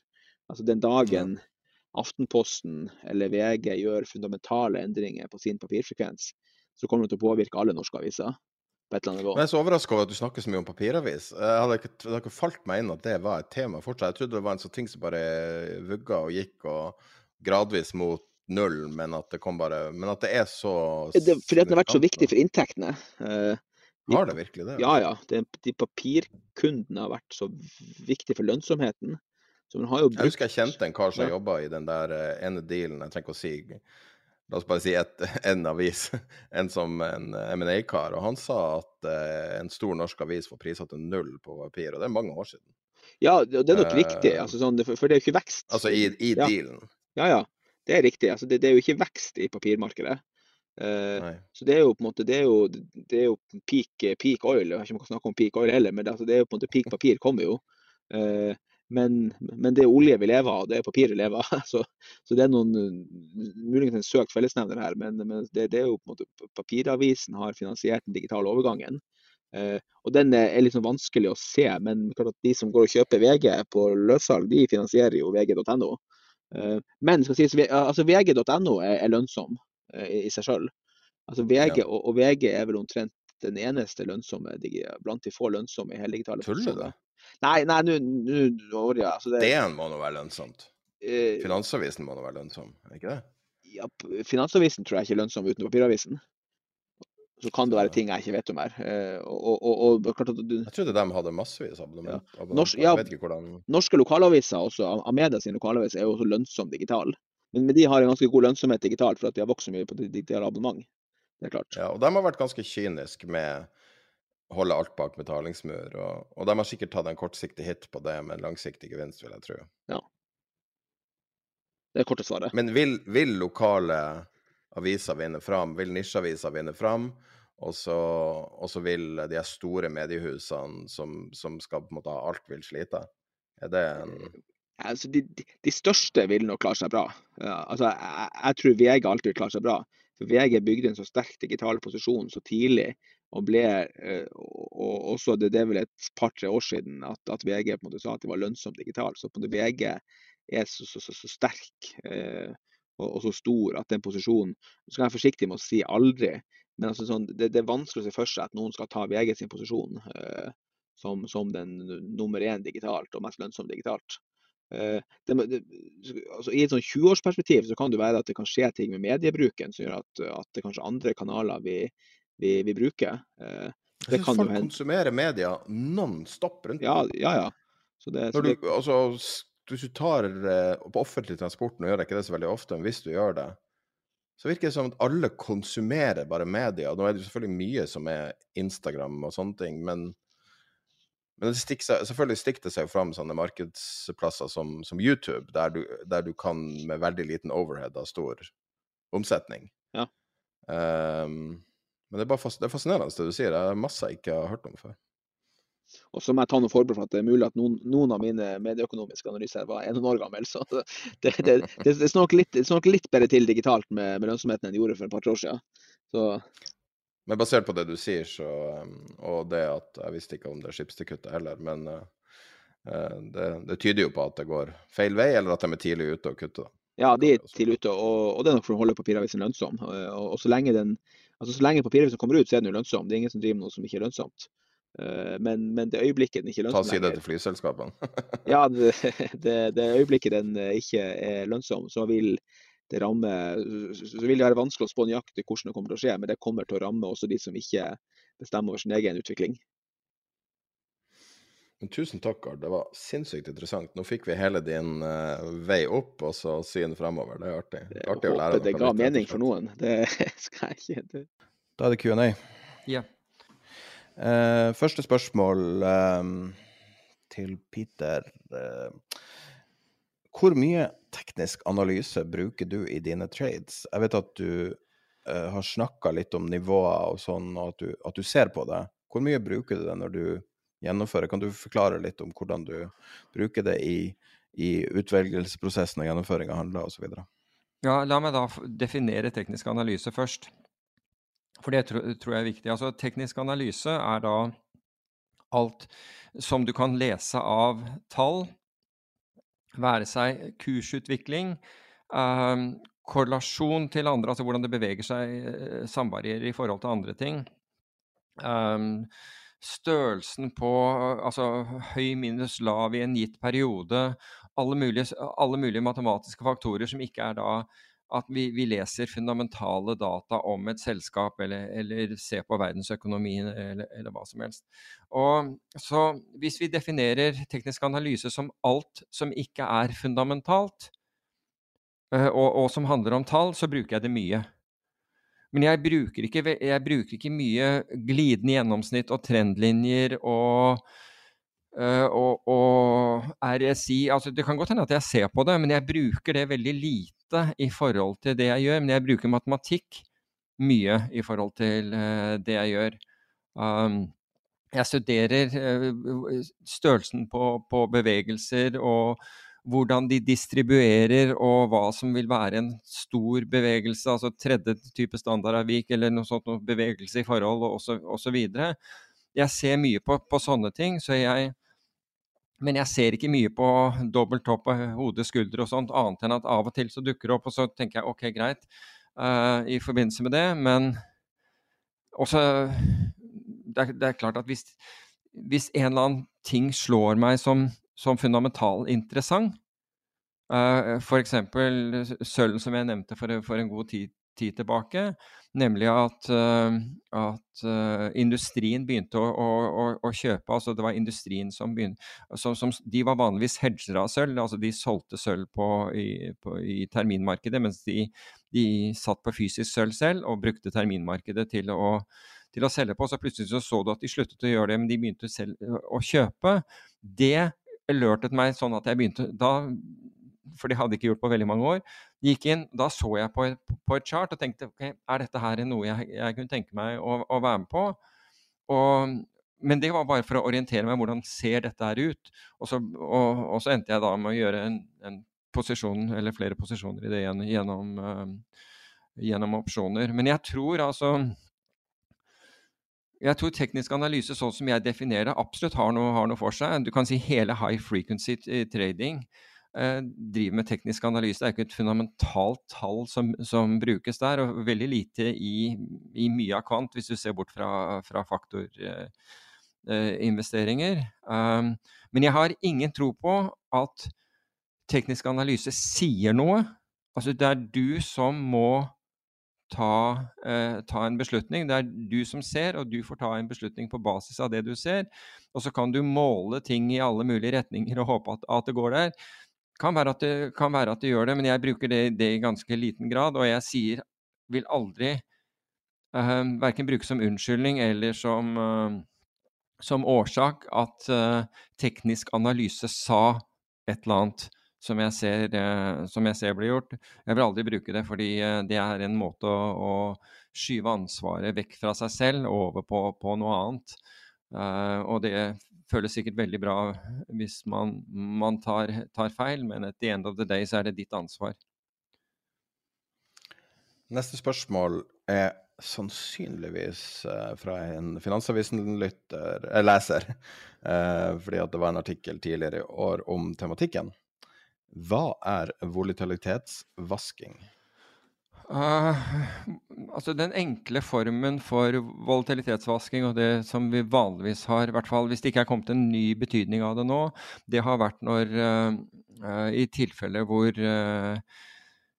hvor, hvor man og dette, har, dette, dette har, har, skjedd hvor man syns at et fond har rett og slett for jevn utvikling. Um, og spesielt på, på, i, i, dårlige perioder så gjør det plutselig ikke så dårlig som den porteføljen skulle tilsi at det gjorde. Og da er, får du jo med en gang nakkehåren til å reise seg.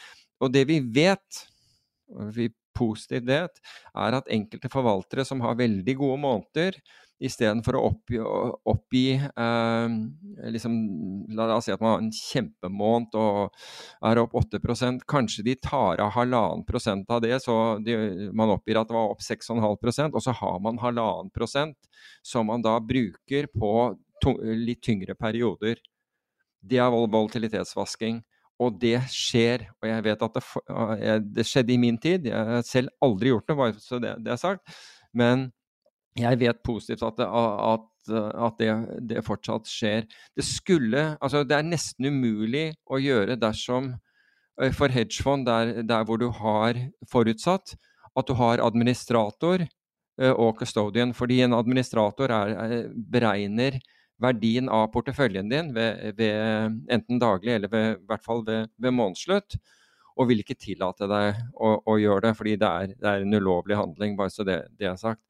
Uh, men, er, men, i fondsregimer hvor du ikke krever administrator, uh, der gjøres det. Og jeg vet positivt at, at, at slik er, gjort. Så det er i hvert fall den type volatilitetsvasking som Uh, som jeg er kjent med. Og så er det jo andre som vil hevde at uh, ta f.eks. private equity eller venturefond. Altså Venturefond får jo null volatilitet helt inntil de, de, selger, men også private equity som da egentlig bare opplyser de uh, gode, de gode tingene når, når, når de har når, når, de har altså de, de, velger jo selv tidspunkt hvor, hvor de forteller, og så forteller de gjerne om én aksje i porteføljen som har gitt 300% og så får du nesten inntrykk av at alt har gått 300% men det er jo bare den ene aksjen, og du vet ingenting om de andre. Det blir fort en, en form for volatilitetsvasking, det også, som, uh, som man kan stille spørsmål ved. Jeg fikk et spørsmål um, som må kokes litt ned. Jeg kan, jeg kan, prøve å summere det opp, men det er en som snakker om uh, sånn type sterke personer i et selskap, om geni og diverse folk i diverse selskaper. Så jeg kan prøve å konkretisere litt, det han sa. Eh, hvordan verdsetter du en person som man anser som key man risk? En person som er viktig, eller kanskje er viktig for et selskap. Og hva skjer hvis noe skulle skje med den personen? Hvordan forholder investor seg til risiko knytta til f.eks. helse og, og alt mulig sånne ting? Kanskje vanskelig spørsmål å svare på, men Nei, altså jeg har vært, vært borti det, det, samme selv, fordi øh, det er klart at som forvalter, hvis investorene tror at den forvaltningen er ekstremt uh, avhengig av en enkeltperson, så er det klart at da vil du være, vil du være mer forsiktig. Og hvis det i tillegg er en, en strategi som ikke er veldig transparent, Eh, så, så, kan man tenke seg at investorer er enda mer forsiktige, og mange da ikke vil investere i det. Så, så, du kan si at hvis jeg var investor, så ville jeg jo i dag definitivt snakke med forvaltningsselskapet jeg vurderte å, å putte penger i. I dette tilfellet var det enkeltselskaper det var snakk om, men ja. Ja, men det, det, vil jo egentlig være det samme, fordi du vil ha den der key man risk. Hvis du mener at dette er et selskap du har tenkt å investere i, eller om det er et fond, spiller egentlig ingen rolle. Altså er, hvis du mener at det er én person som utgjør hele, um, så har du jo en betydelig risiko. Rett og slett ved det. Og har, du har to former for, for, risiko. Det ene er jo selvfølgelig at den personen, et eller annet skjer, det får den derre mursteinen i hodet, og, og, personen er borte. Det er den ene, men det er jo en videre inntjeningsrisiko. Den andre risikoen du vil ha, eller kan ha, det er hva skjer da med, med porteføljen. Og det er da det er viktig at være seg om det er et selskap, hva vil skje i et selskap X hvis denne key manen, som vi alle syns er et kjempegeni, forsvinner? Um, og det kan være at murstein i hodet, men det kan også være at den personen kan snu seg og si at du vet, jeg kunne tenke meg å, å, å, ta, uh, å ta fem år fri nå. Ja, men jeg har jo akkurat skutt penger inn i selskapet. Ja, men jeg føler egentlig at altså, skjønner Og setter da, setter da investorene i, i, klemme. Ved å si at ja, ok, men hva skal til for at du blir Ja, du må tredoble lønnen min, eller et eller annet sånt. Altså, det er sånne, sånne ting som kan komme ut. Så det at et selskap har noen som er ekstremt smarte, det er jo en positiv ting i, i seg selv. Men man må også tenke på den andre, og det ville jeg gjort. Og så hva skjer hvis denne personen blir borte? Hva skjer da med selskapet og, og pengene mine? I tilfelle med, med, med, med, fond, så ville jeg vite at fondet var, da var i en, i en uh, uh, var såpass likvid, altså de investerte i at man kunne få ut pengene. Og vi hadde jo også en uh, Fordi investorene forlangte, deg, forlangte det, og det var hvis jeg sluttet, så ville de ha retten til å trekke ut pengene. Dette, det, dette var, var, utenlandske investorer som hadde det som, som, som, krav. Og da jeg sluttet, så trakk de ut pengene. Um, så og, og, og, og, det var opp til dem. De, de kunne, altså, man kunne jo ta kontakt med dem og, forsøke å over, overtale dem til, til, å bli. Det var ingenting i, i, veien for det, men de hadde da den, en klausul som sa at de skulle informeres dersom uh, jeg sluttet, og at de kunne, hvis de ønsket, å, å, å trekke ut pengene. Så det er, er, sånne ting man kan eventuelt forsøke å gjøre da, hvis man mener at et, et, selskap eller, eller, et forvaltningsforetak er helt avhengig av en enkelt, uh, enkeltperson. Så Det er sånn jeg ville tenkt rundt det i dag. fordi det er ikke noe galt tvert imot, altså, i at, at, man har en eller annen som er genial inn, innenfor ta teknologi eller, eller, hva som helst. Det er, jo, det er jo kjempebra. Men du må også tenke på at du må beskytte deg i forhold til og det, det, kan gjøres gjennom, for øvrig gjennom, uh, gjennom forsikring. Og jeg hadde selv en, en, en eh, slik forsikring, eller det vil si at jeg fikk, jeg fikk ikke, jeg skulle hatt livsforsikring, men så fikk jeg det ikke fordi jeg holdt på De mente at jeg holdt på med Altså på de sportene jeg drev med på, fri, på fritiden, var, var, var, var ikke sånn at jeg hadde lyst til å forsikre meg. Nå, nå, gikk jo dette her bra, det, både økonomisk og på, på, annen måte, så det var ikke så farlig. Da er det et uh, spørsmål som har kommet inn utallige ganger. Hva er egentlig en profesjonell investor?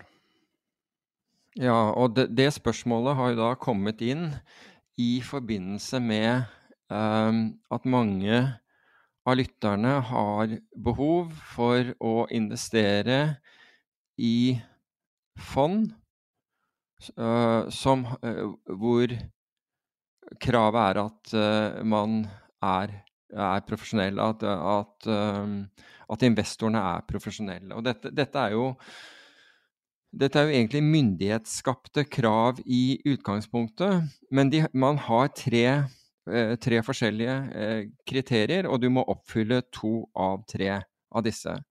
Og Det ene, ene, kriteriet er at man har foretatt transaksjoner av betydelig, betydelig, størrelse på det relevante marked gjennomsnittlig ti ganger per kvartal i de foregående fire kvartaler. Så du må da ha, ha, ha gjort noe sånt som 40, 40 transaksjoner, som betyr at du, du, kan liksom Du forstår litt om hvordan markedet virker.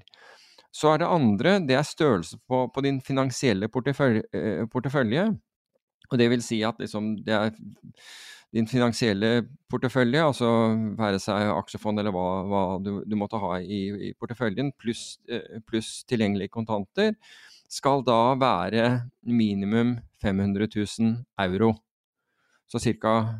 5 millioner norske, norske kroner.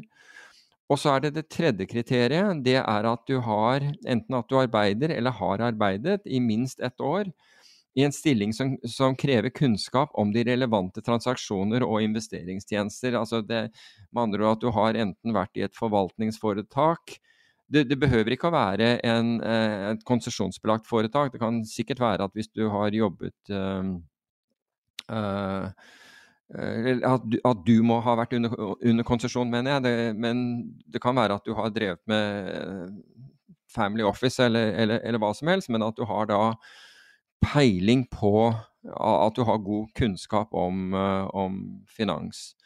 Og som sagt, det er to av tre som skal oppfylles.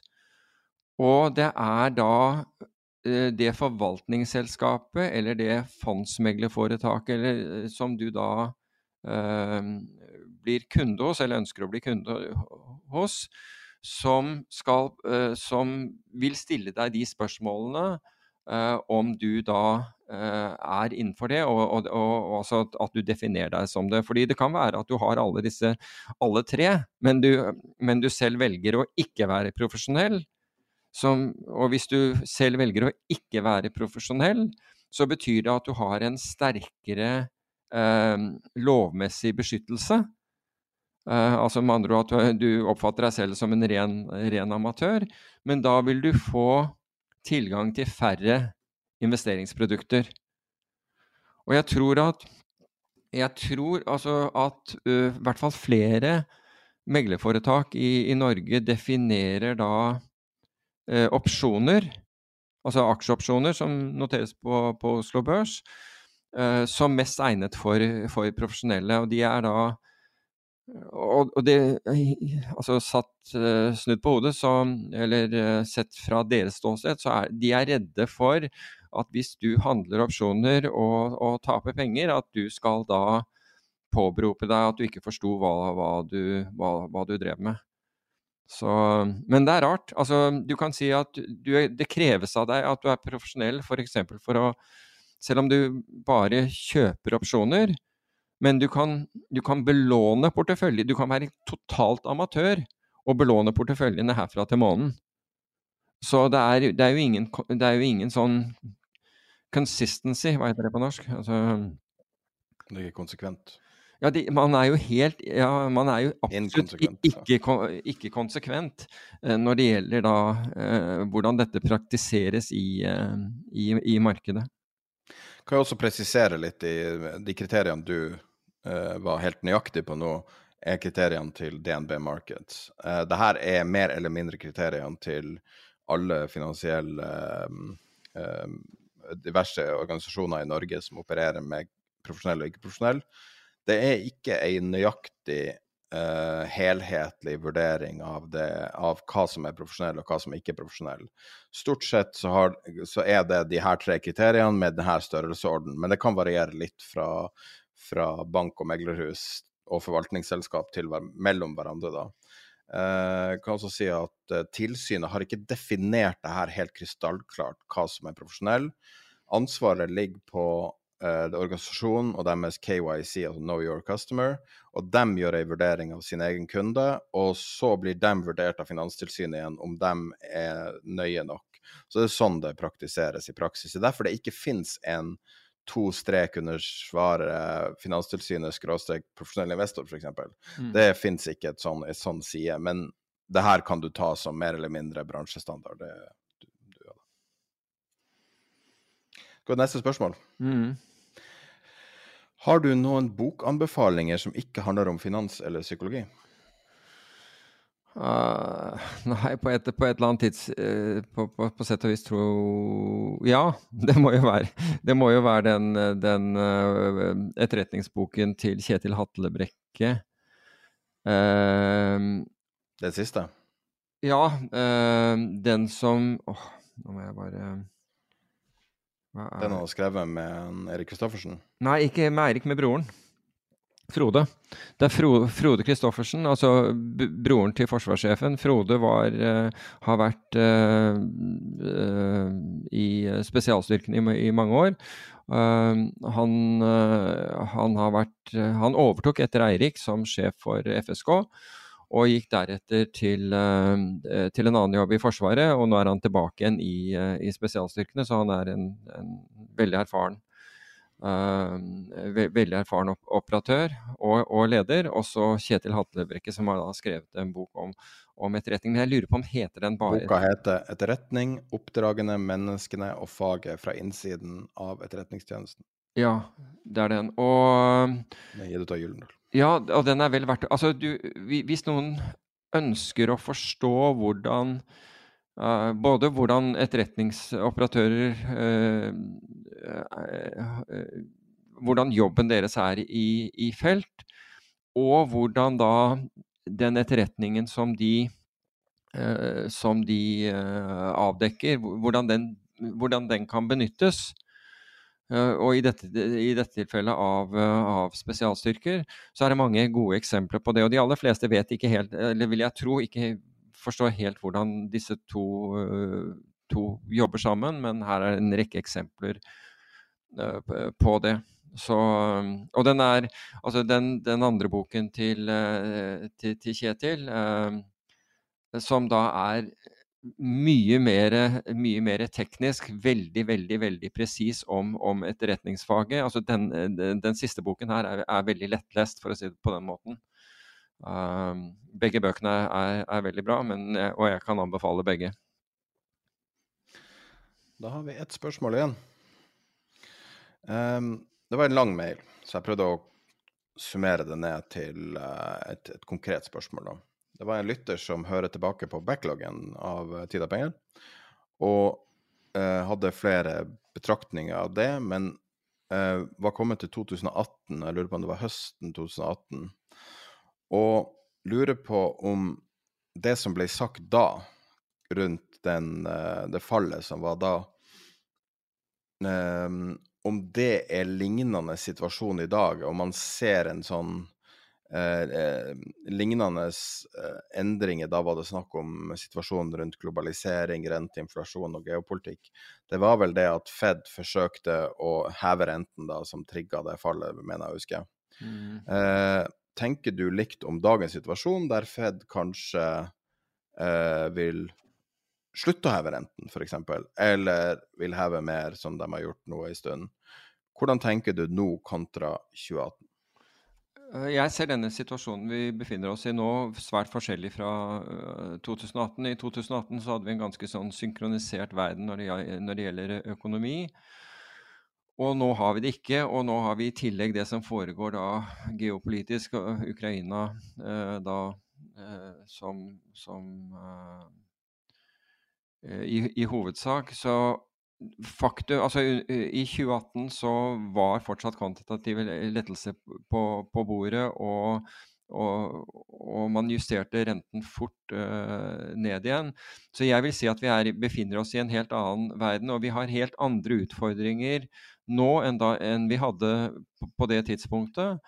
Og jeg tror at fordi vi kick the can, sparket boksen nedover veien, det høres ikke helt uh, høres ikke så bra ut når du, når du, sier det på norsk, men i hvert fall utsatte oppgjøret med finanskrisen og bare skjøv ting foran oss helt da fram til, uh, til, til slutten av Altså til 2021 eller slutten av, av 2021, gjør at kommer til, vi kommer til å bruke tid og det er antageligvis det som Nicolai Tangen er inne på når han mener at vi kommer til å ha mye, ganske lav aksjeavkastning um, i, i, mange år fremover. Altså jeg tror det kommer til å ta tid å jobbe oss ut av, ut av det uføre som vi, vi selv mange, på mange måter har satt oss inn i. Og så har Putin uh, akselerert dette voldsomt.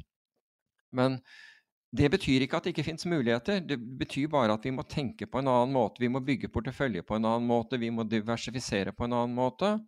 Um, så, så, du kan si at det er ikke sånn at man trenger å fortvile over dette um, i det hele tatt. Altså med, med mindre vi får et, et, veldig, veldig dramatisk utfall ut av, uh, ut av krigen i uh, Ukraina. Men i hvert fall finansielt så føler jeg at uh, det er rett og slett bare at vi må, vi må, vi må trekke frem uh, gamle tegninger, for å si det på den måten, fra den tiden hvor, uh, hvor man ikke brukte skattebetalernes midler for å redde, for, for, for, for å redde finansinvestorer. Um, det, tror til, det, tror jeg sitter veldig langt inne inn i dag. Og jeg tror at med mindre det skjer noe veldig dramatisk, og da må det skje over, over på, på, over en kort periode, for det er det som får folk til, da, til, å, til å, skvette ordentlig. Men hvis det, eh, altså, med mindre det skjer, så kommer vi til å la eh, økonomien og samfunnet og på en måte verden jobbe seg gjennom uh, den, den, situasjonen vi befinner oss i. Dessverre er det slik at, at ikke alle politikere er, er up to speed og, og, det ser man. ikke sant? Altså, det, man skyver på tiltak og skal gjøre vurderinger og se på saken. og det er liksom uh, Studere dette lenge og nøye og alt dette her istedenfor å ta, ta, de nødvendige grepene. Um, det, er en, det er en trussel i den situasjonen vi befinner oss i. Men det vil være det beste for både altså for verden totalt sett om vi klarer å få normalisert ting altså komme mer tilbake til der det var, før vi, før vi var helt avhengig av kunstige hjelpemidler for, å, for at uh, både økonomien og finansmarkedene skulle, skulle, holdes i gang. Så jeg tror det er en helt annen, annen situasjon. En vesentlig, vesentlig forskjellig fra den, den, det var. Men den er på ingen måte håpløs. Det er ingen måte håpløs. Det er rett og slett bare å, som jeg sa, ta frem de, de gamle tegningene og, og, og, og, bruke dem. Das var alles. Bra. Da var vi i mål.